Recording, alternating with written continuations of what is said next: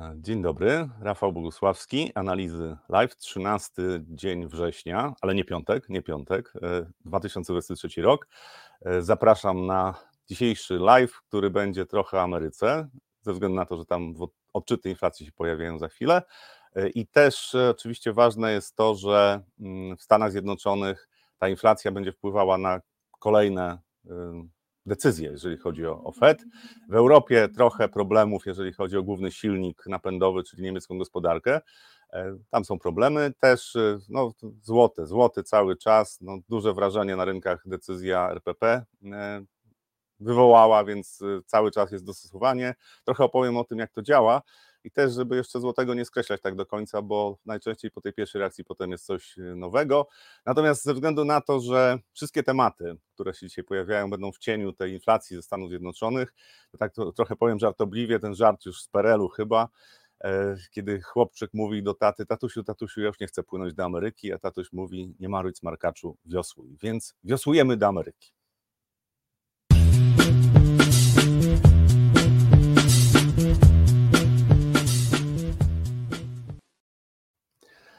I zacznę od tego, co e, jest właśnie najważniejsze z punktu widzenia w ogóle najbliższych dni, ale też to może ustawić e, rynki na kilka nas, następnych, nawet tygodni.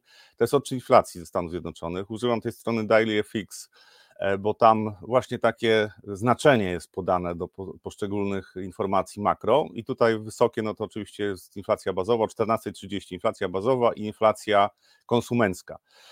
Jeżeli będą różnice od tych y, oczekiwanych wartości, czyli inflacja 3,6, wzrost 3,2, to ze względu na, oczywiście na wzrost cen paliw przede wszystkim, ale spadek inflacji bazowej 4,7 na 4,3, jeżeli tutaj będzie odchylenie w górę, czyli ta inflacja będzie wyższa, na jednym albo na drugim wskaźniku, to mi się wydaje, że w, znaczy reakcja przede wszystkim dolar się umocni, obligacje będą e, wyprzedawane, rentowności wzrosną. Na rynkach akcji niekoniecznie musi to być sygnał wielkiej wyprzedaży. Na rynkach akcji tak będzie nerwowo.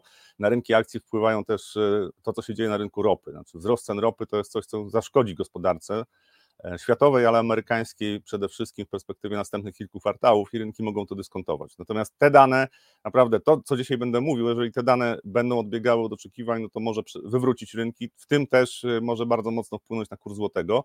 Warto o tym pamiętać, że e, takie dane potrafią naprawdę mocno zamieszać na rynku, a złoty w tej chwili będzie wrażliwy na, na to, co się będzie działo w otoczeniu, tak, czy na świecie. Jeżeli będzie risk off, no to prawdopodobne jest dalsze osłabienie e, złotego. Jeżeli rynki się uspokoją, to prawdopodobnie złoty też się umocni. Znaczy, po tej pierwszej reakcji takiej nerwowej na decyzję RPP, e, to e, można się spodziewać, że przy poprawie sentymentu na rynkach światowych, bo zwrócę uwagę na to, że jesteśmy w korekcie na rynkach akcji, tak, od, w zasadzie od początku sierpnia czy od końca lipca i ta korekta jest rozbudowana, więc zakładam, że ona jeszcze trochę może potrwać.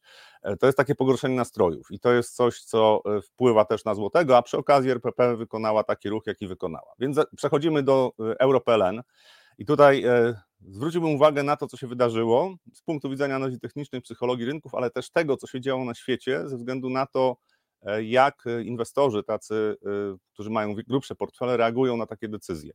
E, najpierw reagują spekulanci, i to jest ta pierwsza reakcja w momencie, kiedy pojawia się jakaś informacja, która fundamentalnie ma duże znaczenie. No to oczywiście jest reakcja, spekulanci bardzo mocno reagują, ale potem reagują ci, którzy mają duże portfele, czyli następuje realokacja aktywów globalnie. I to jest coś, co wydarzyło się E, nie tylko po decyzji RPP, ale również po konferencji prezesa Glapińskiego. Prezes Glapiński powiedział coś takiego, nie wiem czy celowo, ale powiedział coś takiego, że 5% inflacja jest prawie nieodczuwalna. E, czyli y, rynki odczytały to, ja nie wiem jaka była intencja prezesa, ale rynki, rynki odczytały to, że e, RPP czy NBP będzie akceptował wyższą inflację. Jeżeli 5% inflacja jest nieodczuwalna, to ja tylko zwrócę uwagę, że jeżeli 5% inflacji będzie przez 10 lat co roku, to mamy wzrost cen o 63%, prawie. Jeżeli to jest nieodczuwalne, no to ja mam trochę inną opinię, ale generalnie e, takie słowa padły. I teraz co się wydarzyło? Ja bym zwrócił uwagę na to, że w sierpniu, właśnie na, e, na przełomie lipca i sierpnia, mieliśmy najsilniejszego złotego. To był szczyt super sentymentu do polskiego, polskiej waluty. To był też szczyt na większości rynków akcyjnych, czyli te risk on na świecie miało kulminację pod koniec lipca. I RPP podjęła tą decyzję w dobrym momencie, jeżeli celem było osłabienie złotego. Jeżeli nie było celem osłabienie złotego, to ten, ten moment nie był zbyt dobry, bo gdyby ta decyzja była podjęta tutaj, ja pomijam kwestię inflacji, pomijam kwestię tego, co się działo z, w makro w, w Polsce, natomiast gdyby ta decyzja była podjęta tutaj, kiedy złoty się umacniał, euro słabło, tak, ale złoty generalnie umacniał się do koszyka, to ta y, reakcja byłaby inna. Natomiast po tej konsolidacji i zmianie trendu tutaj na wzrostowy w przypadku euro, w przypadku dolara wygląda to bardzo podobnie, tak? Tutaj też e, ten ruch jest bardzo silny. E, to e, moment, w którym ta konferencja była, czy decyzja i konferencja, sprawił, że ten ruch bardzo mocno wpłynął na to, jak wygląda sytuacja na złotym. Natomiast historia pokazuje, i tutaj spójrzmy trochę bardziej na odległe czasy, historia pokazuje, że po takich gwałtownych reakcjach, to są lockdowny, to są E, tu jest e, atak Rosji na Ukrainę. Wcześniej czy później następuje jednak odreagowanie. Ja zakładam, że ten trend wzrostowy będzie kontynuowany w dłuższej perspektywie, natomiast w krótszej perspektywie, powiedzmy dwóch, trzech miesięcy, to jednak tutaj pojawi się odreagowanie. Dlaczego? Bo fundamentalnie polska gospodarka nie jest aż tak złym stanie, jakby się e, mogło wydawać, niektórym przynajmniej.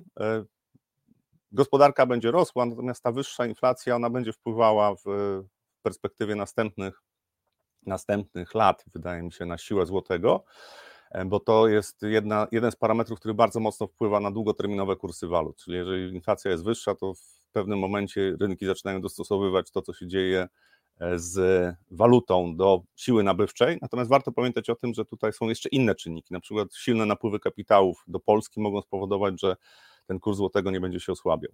Więc na razie ten ruch to jest reakcja na rynkach i ta reakcja ma e, taką siłę. Dlaczego? Dlatego między innymi, że polski rynek jest płytki.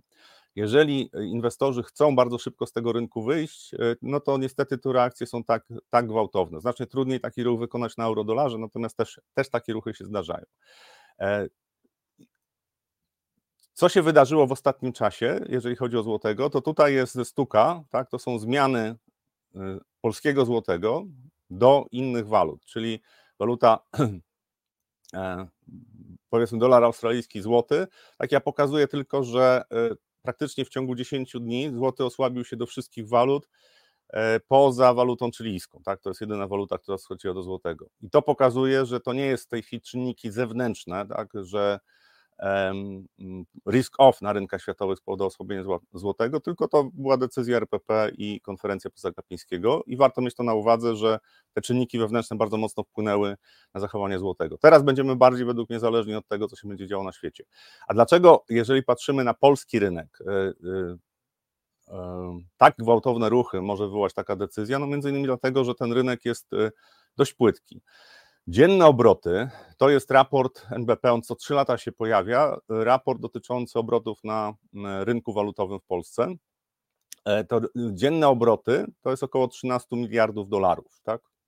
E, nierezydenci, czyli podmioty zagraniczne, to jest prawie 9, czyli do, mimo wszystko ten rynek jest dominowany przez podmioty zewnętrzne, chociaż tutaj część to tak naprawdę, e, dobrze, nie będę tego rozwijał, tak generalnie 13 miliardów, o to mi chodzi. Natomiast jak popatrzymy na fo, ma, rynek foreksowy, E, to e, inne, inne kraje, tak, poszczególne kraje, jakie są obroty na e, OTC, czy over the counter, to jest znaczna część tych obrotów, które są na rynkach forexowych, to tutaj jest prawie 10 bilionów, bilionów dolarów, w Wielkiej Brytanii 3 biliony 700 miliardów, Stany Zjednoczone bilion 900, tak około 16 bilionów, to są dzienne obroty na rynkach światowych. Teraz jeżeli to, to pokażemy, co się dzieje na polskim rynku, te 13 miliardów, plus oczywiście są OTC na innych rynkach, całe obroty to bank rozliczeń BIS, tak, bank rozliczeń międzynarodowych to jest bank banków, bank banków centralnych tak naprawdę, on takie dane e, zbiera, to łączne obroty dla złotego na wszystkich rynkach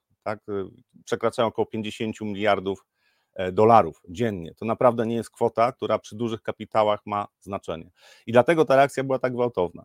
E, to, co jest istotne w tej chwili, to jak popatrzymy na e, duże domy inwestycyjne, rzadko się zdarza, żeby złoty przykuwał aż taką uwagę, jak przykuwa od paru dni co dokładnie od środy w ubiegłym tygodniu, pojawiają się raporty ze strony dużych banków inwestycyjnych. I tutaj e, e, perspektywy dla polskiej waluty są różnie postrzegane. To znaczy Goldman, Goldman Sachs i JP Morgan mają zupełnie inne spojrzenie. Goldman jest nastawiony niedźwiedzio do polskiej waluty, czyli uważa, że po tej decyzji to złoty będzie tam się osłabiał, będzie pod presją. Natomiast JP Morgan właśnie bierze pod uwagę to, że polska gospodarka może być na przykład w znacznie lepszej kondycji niż chociażby gospodarka niemiecka. To może być pewien paradoks, bo my jesteśmy, zwłaszcza jeżeli chodzi o eksport, uzależnieni od Niemiec, ale czynniki wewnętrzne mogą spowodować, że wzrost gospodarczy będzie w Polsce wyższy.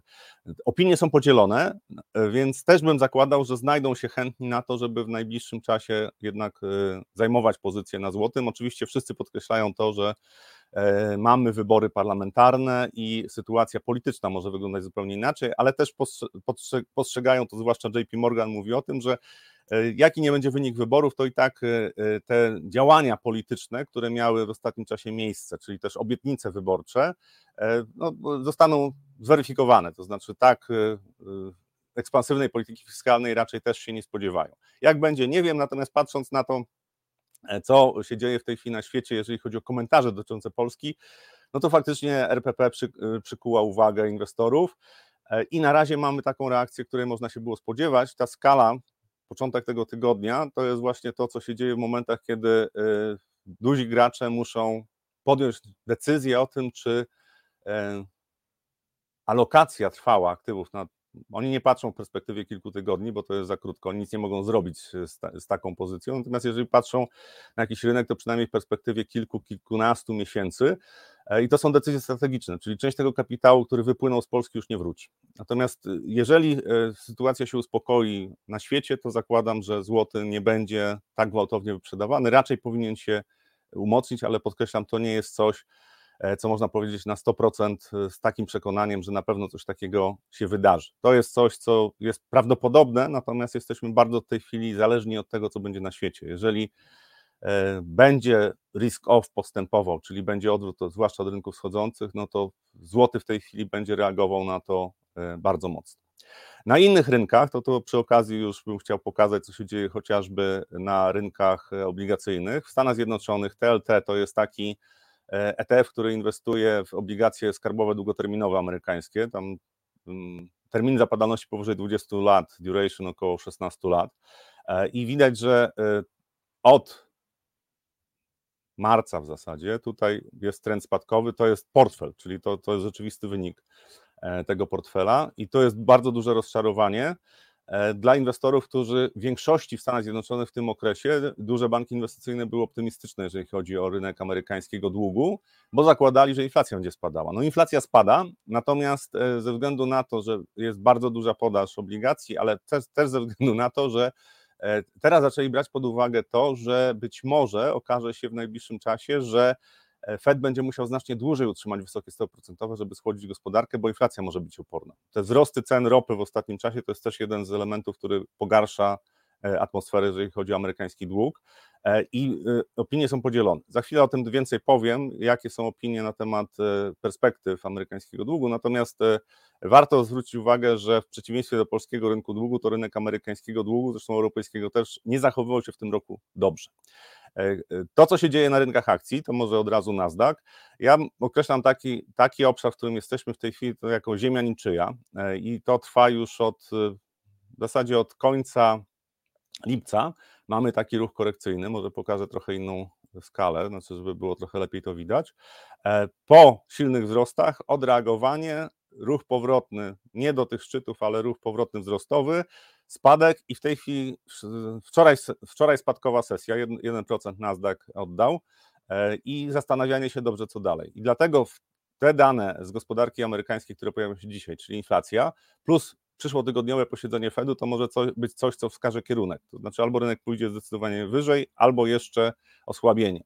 Ja zakładam, że y, Bardziej prawdopodobny jest jeszcze y, dłuższy okres takiej konsolidacji, znaczy tam się musi sentyment nieco schłodzić, bo za dużo optymistów się pojawiło tu, tutaj trochę się schłodziło, jeżeli chodzi o nastroje, natomiast tutaj był kolejny wzrost optymizmu i ten optymizm się utrzymuje, więc bardziej prawdopodobne jest, że trochę jeszcze poczekamy na kontynuację wzrostów, ale w dłuższej perspektywie zakładam, że te wzrosty będą kontynuowane i na SP500 i na Nasdaqu.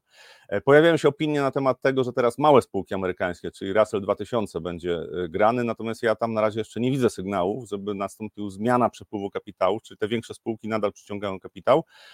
To, co może Nasdaqowi zaszkodzić, to jest Apple i to Apple zaraz powiem więcej, natomiast pokażę, e, pokażę jego wykres. E, wczoraj e, była prezentacja iPhone'a 15, no i jak widać tutaj spadek 1,7%. Raczej nie zachwyciło to inwestorów, znaczy oczekiwania chyba bardziej rozbudowane i ze względu na to, jak duża kapitalizacja ma ta spółka, to faktycznie dla Nasdaqa może to być problem, jeżeli te, ta wyprzedaż będzie kontynuowana. On nie musi być kontynuowana, natomiast tam są pewne wskazania, że w najbliższym czasie e, Apple może mieć trochę problemów, na przykład związanych z tym, że sprzedaż w Chinach nie będzie tak e, e, duża, jak wcześniej się spodziewano, ze względu na to, że rząd chiński zakazał urzędnikom używania w pracy iPhone'ów.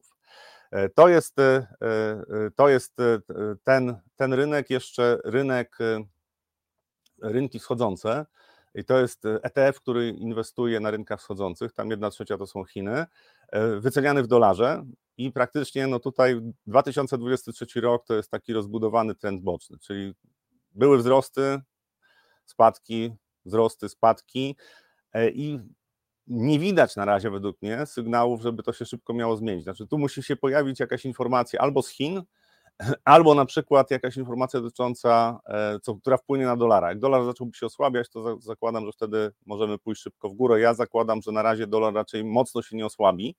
Nawet jak inflacja okaże się niższa od oczekiwanej, to będzie to krótkoterminowy ruch i raczej ten trend boczny na rynkach wschodzących będzie się utrzymywał. To też jest przesłanie dla e, WIG-20, że on też może pozostać jeszcze przez pewien czas w trendzie bocznym, bo zabraknie takiego e, pozytywnego wpływu właśnie, jeżeli chodzi o realokację aktywów e, zagranicznych. Co z rynkiem długu amerykańskim? Na co warto zwracać uwagę? Morgan Stanley, mm, tutaj w artykule jest, że to jest ostatni, ostatni byk na rynku długu.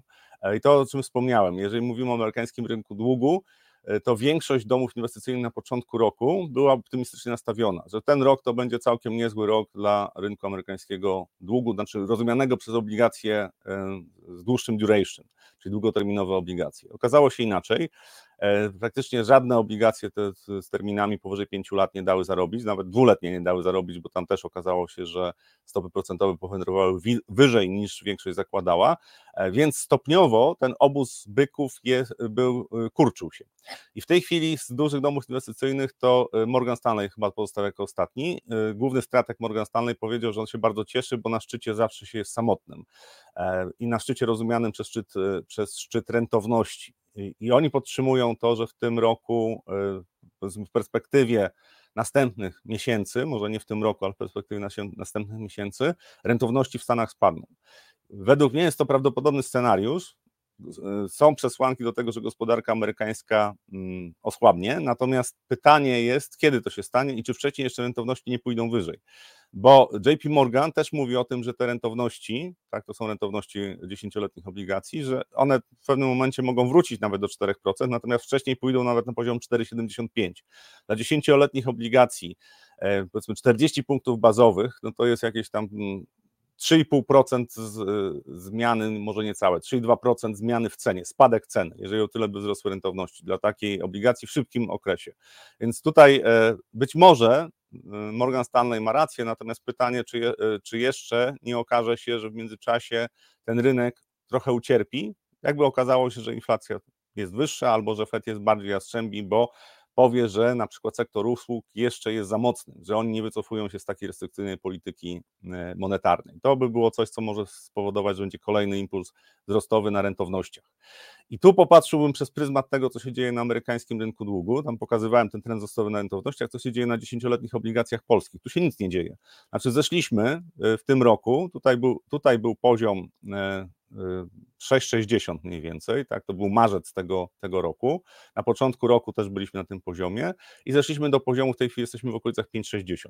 I przy tym, co się dzieje w Polsce, jeżeli patrzymy na przykład na ostatnie osłabienie kursu złotego, mm, to w tej chwili to, co RPP osiągnęła, to znaczy jest postrzegana przez inwestorów jako bank centralny, który jest gołębi, bo tak jest, znaczy czytając komentarze, czytając analizy i z polskich E, i z polskich chociażby forexowych biur, ale również czytając właśnie analizy, e, rekomendacje dotyczące e, polskiego złotego i polityki RPP, to po prostu RPP jest postrzegana jako gołębi bank centralny, czy NBP jest postrzegany jako gołębi bank centralny, to przy tych założeniach, znaczy to, co się dzieje ze złotym, to widać, że on w ogóle nie reaguje na to, co się dzieje na rynkach europejskich. Warto brać to pod uwagę ze względu na to, że E, bardzo często, jeżeli chodzi o takie e, mało płynne rynki, a polski rynek jest mało płynny, że tutaj może być dość szybkie dostosowanie się do nowej sytuacji. Ja nie spodziewam się, że to będzie tak jak tutaj, że 9% tak, te rentowności, natomiast ten powiedzmy 7%, 6,80, 6,90, to może się okazać, że to będzie dość szybko zrealizowane.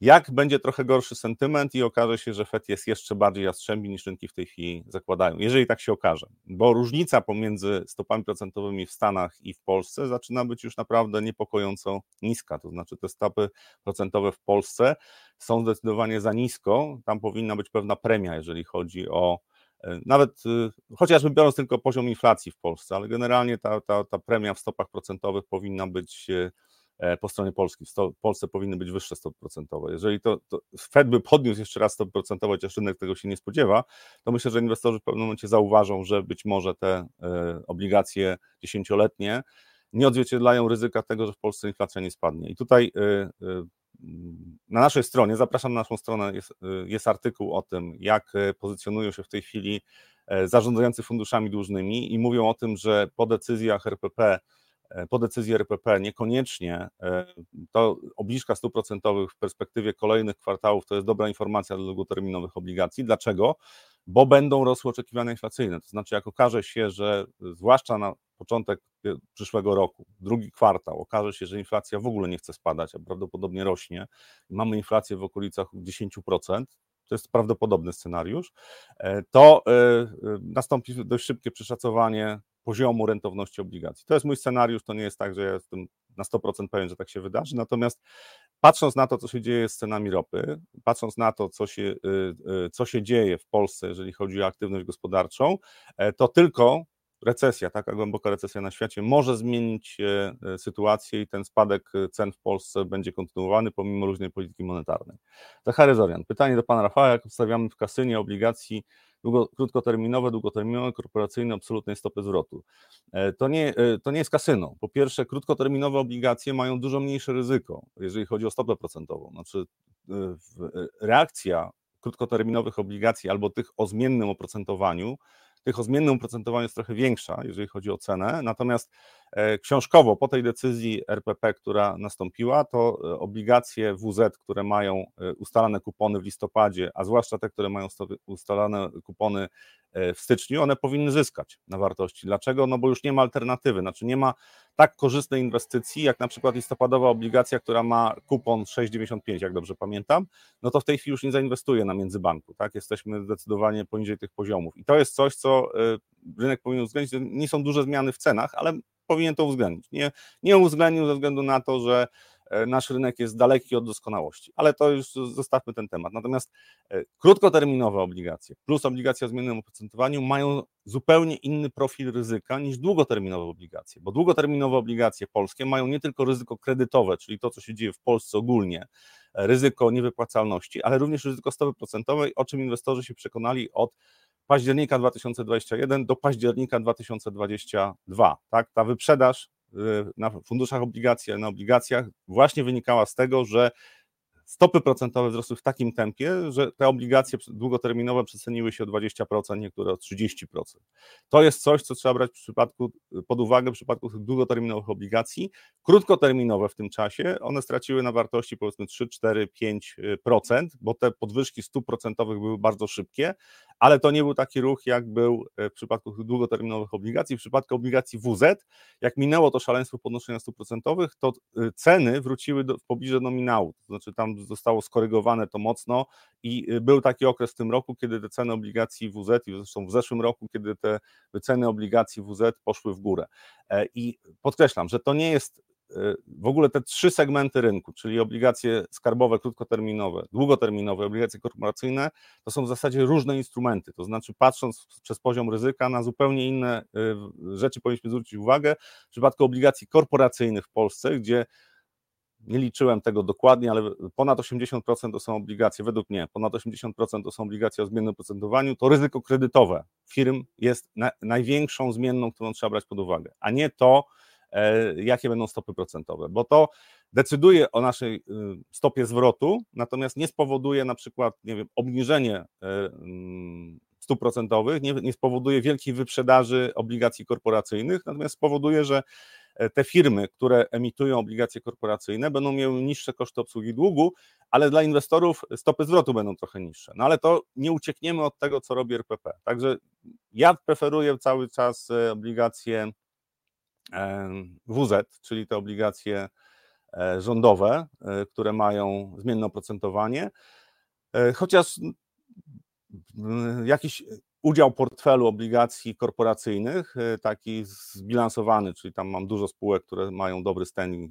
tam trochę ryzykowny taki portfel, też, też ma sens. Tam trochę wyższe miałbym rentowności, pewnie stopy zwrotu z tego portfela, natomiast generalnie no, ja jeżeli chodzi o rynek długu, na razie cały czas staram się, żeby ten rynek długu y, był mało ryzykowny. I obligacje WZ one są raczej mało ryzykowne, zareagują tylko wtedy, kiedy ryzyko kredytowe by się gwałtownie zwiększyło, jeżeli chodzi o Polskę. E, to do, już jeżeli chodzi o te polskie obligacje skarbowe, podkreślam, że krótkoterminowe obligacje mają inną charakterystykę, długoterminowe są bardziej zmienne i tutaj ewentualnie właśnie wyższa inflacja y, taka trwała wyższa inflacja to jest coś, co według mnie zmieni postrzeganie polskiego złotego. Kolejna bardzo ważna informacja, która się pojawiła e, w, wczoraj praktycznie, e, to są oceny dotyczące tego, co się dzieje na rynku ropy naftowej po decyzjach Arabii Saudyjskiej i Rosji o tym, że oni ograniczyli wydobycie. I w tej chwili e, te dane mówią o tym, że tam brakuje, jest deficyt około 3 milionów baryłek ropy naftowej, czyli bilans jest zaburzony bardzo mocno, stąd te wzrosty cen ropy naftowej e, i one mm, są dość dynamiczne, tak, to już ropa, ropa teksańska, jesteśmy w pobliżu 90 dolarów, e, ropa Brent już pokonała 90 dolarów, to jest coś, co bardzo wielu ekonomistów pomija czynnik, oczywiście patrzą na inflację, natomiast jest jeszcze taki czynnik związany z tym, jak to szkodzi gospodarce, to znaczy ta wzrost cen ropy przekłada się na zmniejszenie aktywności gospodarczej. To w Stanach Zjednoczonych świetnie widać, e, jak e, gospodarka amerykańska z pewnym opóźnieniem reaguje na te wyższe ceny ropy. Ona po prostu słabnie. Teraz mamy jeszcze stymulację dodatkową, jeżeli mówimy o e, gospodarce amerykańskiej, bo rząd tam wydaje e, pieniądze na potęgę, podobnie jak polski rząd. Znaczy, mamy porównywalny deficyt budżetowy, więc e, stymulacja fiskalna jest porównywalna.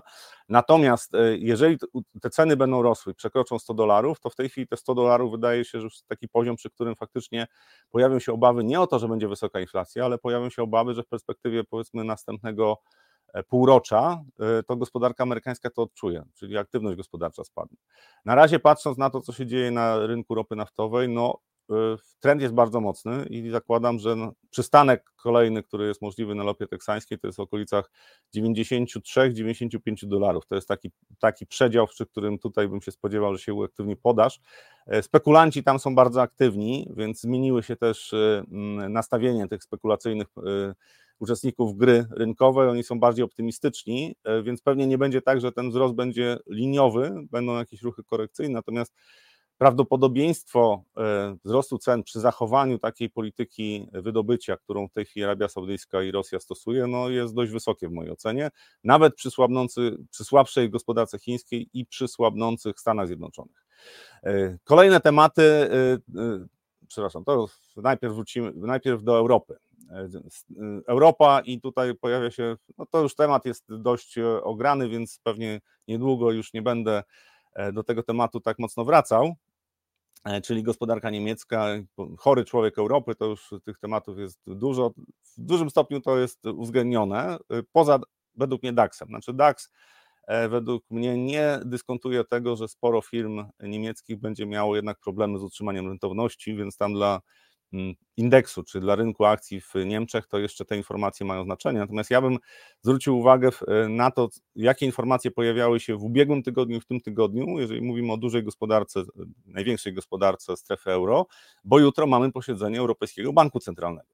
E, I po tych danych, które pojawiały się właśnie z Niemiec, tutaj wprost tak, że ten niemiecki silnik ma problemy, żeby wejść na wyższe na wyższe obroty. Oczekiwania są takie, że w przyszłym roku stopniowo e, nastąpi jakieś ożywienie, jeżeli chodzi o gospodarkę, natomiast ja mam wątpliwości, czy będzie to bardzo dynamiczne. Znaczy Niemcy potrzebują pewnie ze dwóch, trzech lat, żeby sobie poradzić z tym, z tymi problemami, które mają e, obecnie. E, w ubiegłym tygodniu, jeżeli patrzymy na produkcję przemysłową, spadek 0,8 zamiast 0,4. Jeżeli patrzymy na nowe zamówienia, no to, to jest największy spadek od 2020 roku, kiedy był lockdown.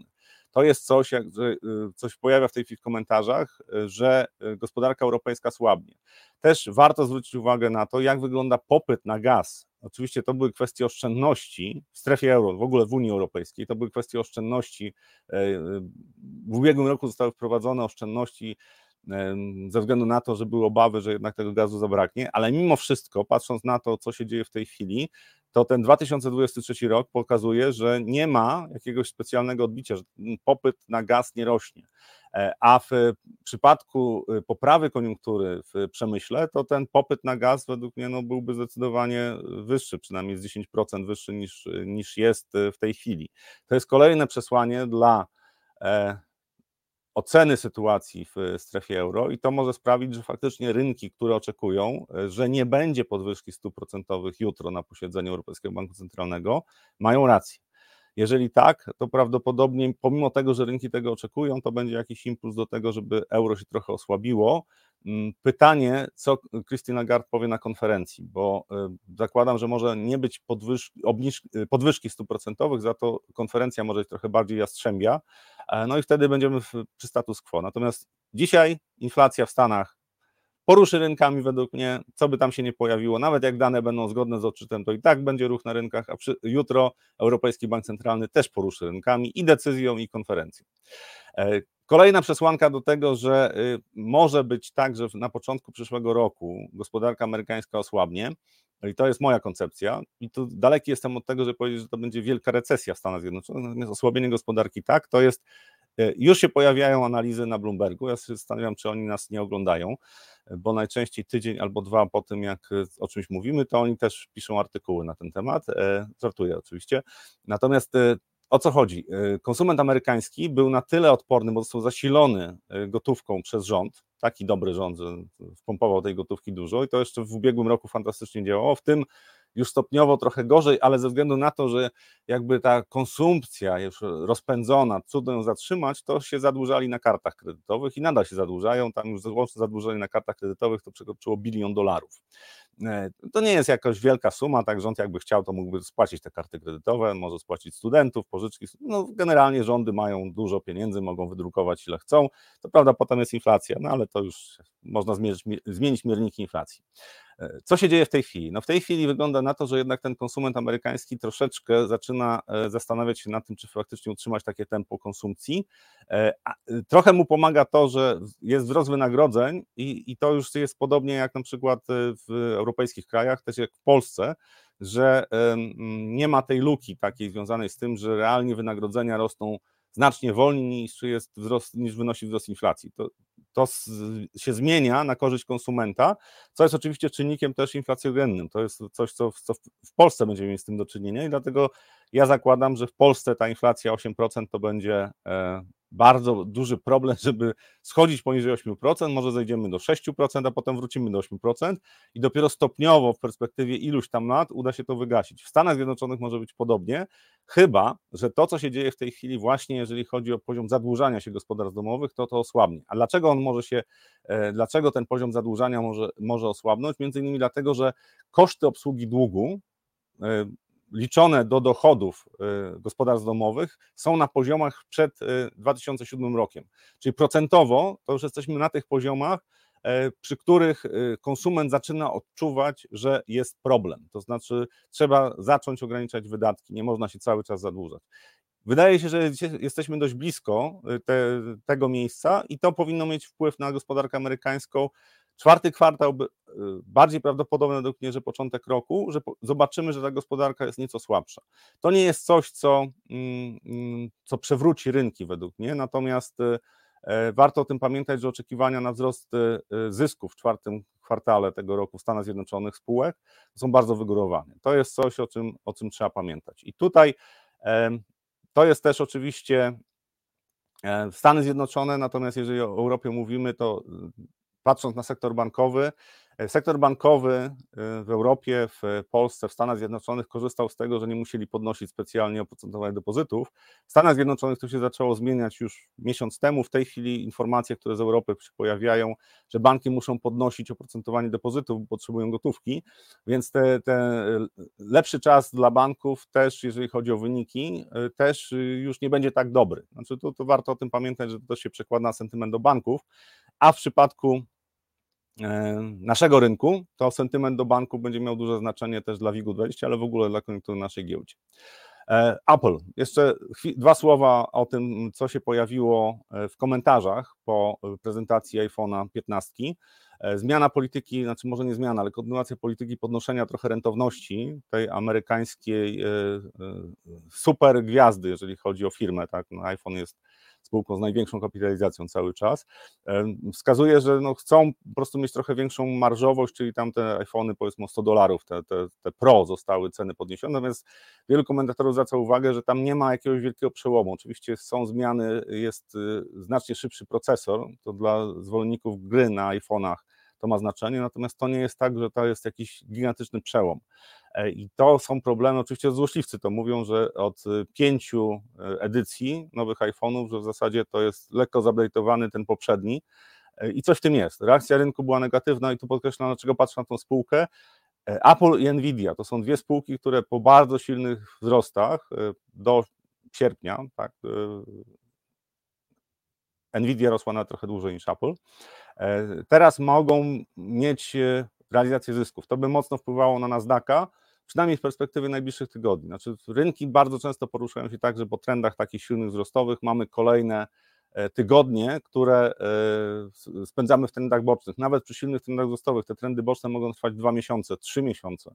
To nie jest coś, potem jak się patrzy na wykres długoterminowy, na przykład Apple'a, no nie, to tylko trend wzrostowy. No nie, tam były korekty po 25-30% i były okresy, kiedy kurs nie rósł na przykład przez trzy miesiące, albo nawet dłużej. I, I, warto o tym pamiętać, że y, to nie znaczy, że ta spółka za chwilę będzie, nie będzie w stanie e, generować zysków, tylko znaczy, że po prostu y, trzeba brać pod uwagę, że może być taki okres korekcyjny, który potrwa dłużej niż większości się wydaje. E, I jeszcze jeden temat y, na zakończenie, tylko muszę sobie odnaleźć. Już, już jestem. Chyba się udało. E, government shutdown. Co to jest? No, grozi to 1 października.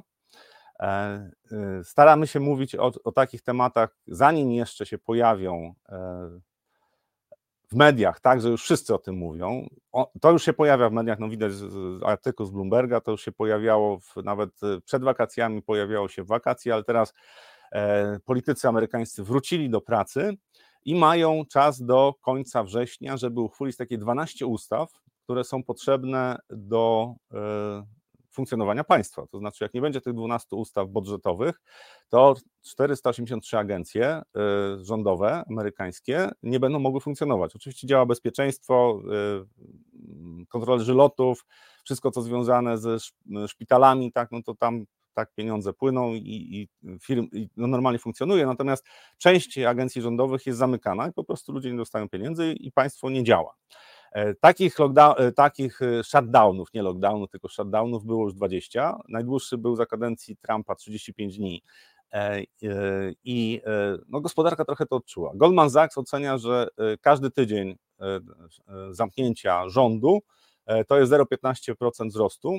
Nie wiem, czy ten model jest prawdziwy, ale generalnie, jeżeli to by trwało na przykład 3-4 tygodnie, no to gospodarka może zacząć odczuwać ze względu na to chociażby, że wtedy e, agencje rządowe nie płacą swoim kontrahentom, znaczy nie mają możliwości. Po prostu brak tych ustaw sprawia, że nie ma możliwości realizowania płatności. Znaczy to jest prawo. Znaczy tak ustawy są skonstruowane, że nie ma możliwości, żeby płacić poza tam oczywiście wyjątkami, tak, ale generalnie te agencje rządowe nie mogą płacić. I o co chodzi? Na razie jest tak, że takie e, bardziej radykalne skrzydło republikańskie w Izbie e, Reprezentantów chce zmusić administrację Bidena do tego, żeby obcięli wydatki. Tu chodzi o Ukrainę, czyli mniejsze finansowanie dla Ukrainy, ale też generalnie, żeby wydatki rządu zostały ograniczone. E, ponieważ e, ten, e, ten budżet, czy ten poziom wydatków będzie miał znaczenie przed przyszłorocznymi wyborami prezydenckimi, które będą w listopadzie, no to tarcie w tym roku podejrzewam, że będzie potężne. I może się okazać, może się okazać, że faktycznie to zamknięcie rządu będzie trwało znacznie dłużej niż większość zakłada. Natomiast jeżeli będzie trwało nawet 2-3 tygodnie, to zakładam, że mm, czyli jesteśmy, nie wiem, mija połowa października e, i wszyscy już dyskutują o tym, jakie to ma konsekwencje dla gospodarki amerykańskiej. To nie ma tak dużych konsekwencji, jakby na przykład niepodniesienie y, miało niepodniesienie limitu zadłużenia bo wtedy rząd amerykański ogłasza techniczne bankructwo. Tutaj tego nie będzie, natomiast dla gospodarki to może być pewien problem. I to może być coś, co też e, będzie brał Fed pod uwagę na najbliższym posiedzeniu i, e, e, i również w październiku, jeżeli chodzi o decyzje dotyczące stóp procentowych, bo mając w perspektywie pewne zawirowania w gospodarce czy osłabienie wzrostu gospodarczego, to Fed może powiedzieć, no dobrze, na razie czekamy podwyżką stóp procentowych. Oczywiście o Fedzie w przyszłym tygodniu będzie więcej, bo w przyszłym tygodniu jest posiedzenie i tam tych e, informacji jest dość dużo dotyczących tego, co, co jest możliwe, a co nie jest możliwe. W tym tygodniu Dzisiaj czekamy na 14.30 na dane inflacji. E, to trochę przyjaśni obraz i będziemy wiedzieli, e, czy rynek ma rację, bo w przypadku Fedu też oczekiwania są takie, że nie będzie podwyżki stóp procentowych. Więc 13 udało się bez e, większych problemów, przynajmniej tak mi się wydaje. E, udało nam się dopłynąć do tej e, Ameryki, na koniec również. Życzę amerykańskim politykom, żeby się dogadali, bo będzie spokojniej i tak będzie szansa na to, że nasza giełda też pójdzie w górę, że będzie na rynkach można zarabiać. Natomiast politykami nigdy nie wiadomo, jak będzie. Bardzo dziękuję za dzisiejsze spotkanie. Zapraszam na jutro, będzie Magda Polan z Robertem. E, rozmawiała oczywiście o bardzo ciekawych tematach. Polecam, polecam. Ja będę w piątek, e, także na dzisiaj to już wszystko. Zapraszam na jutro 8.45 i do zobaczenia.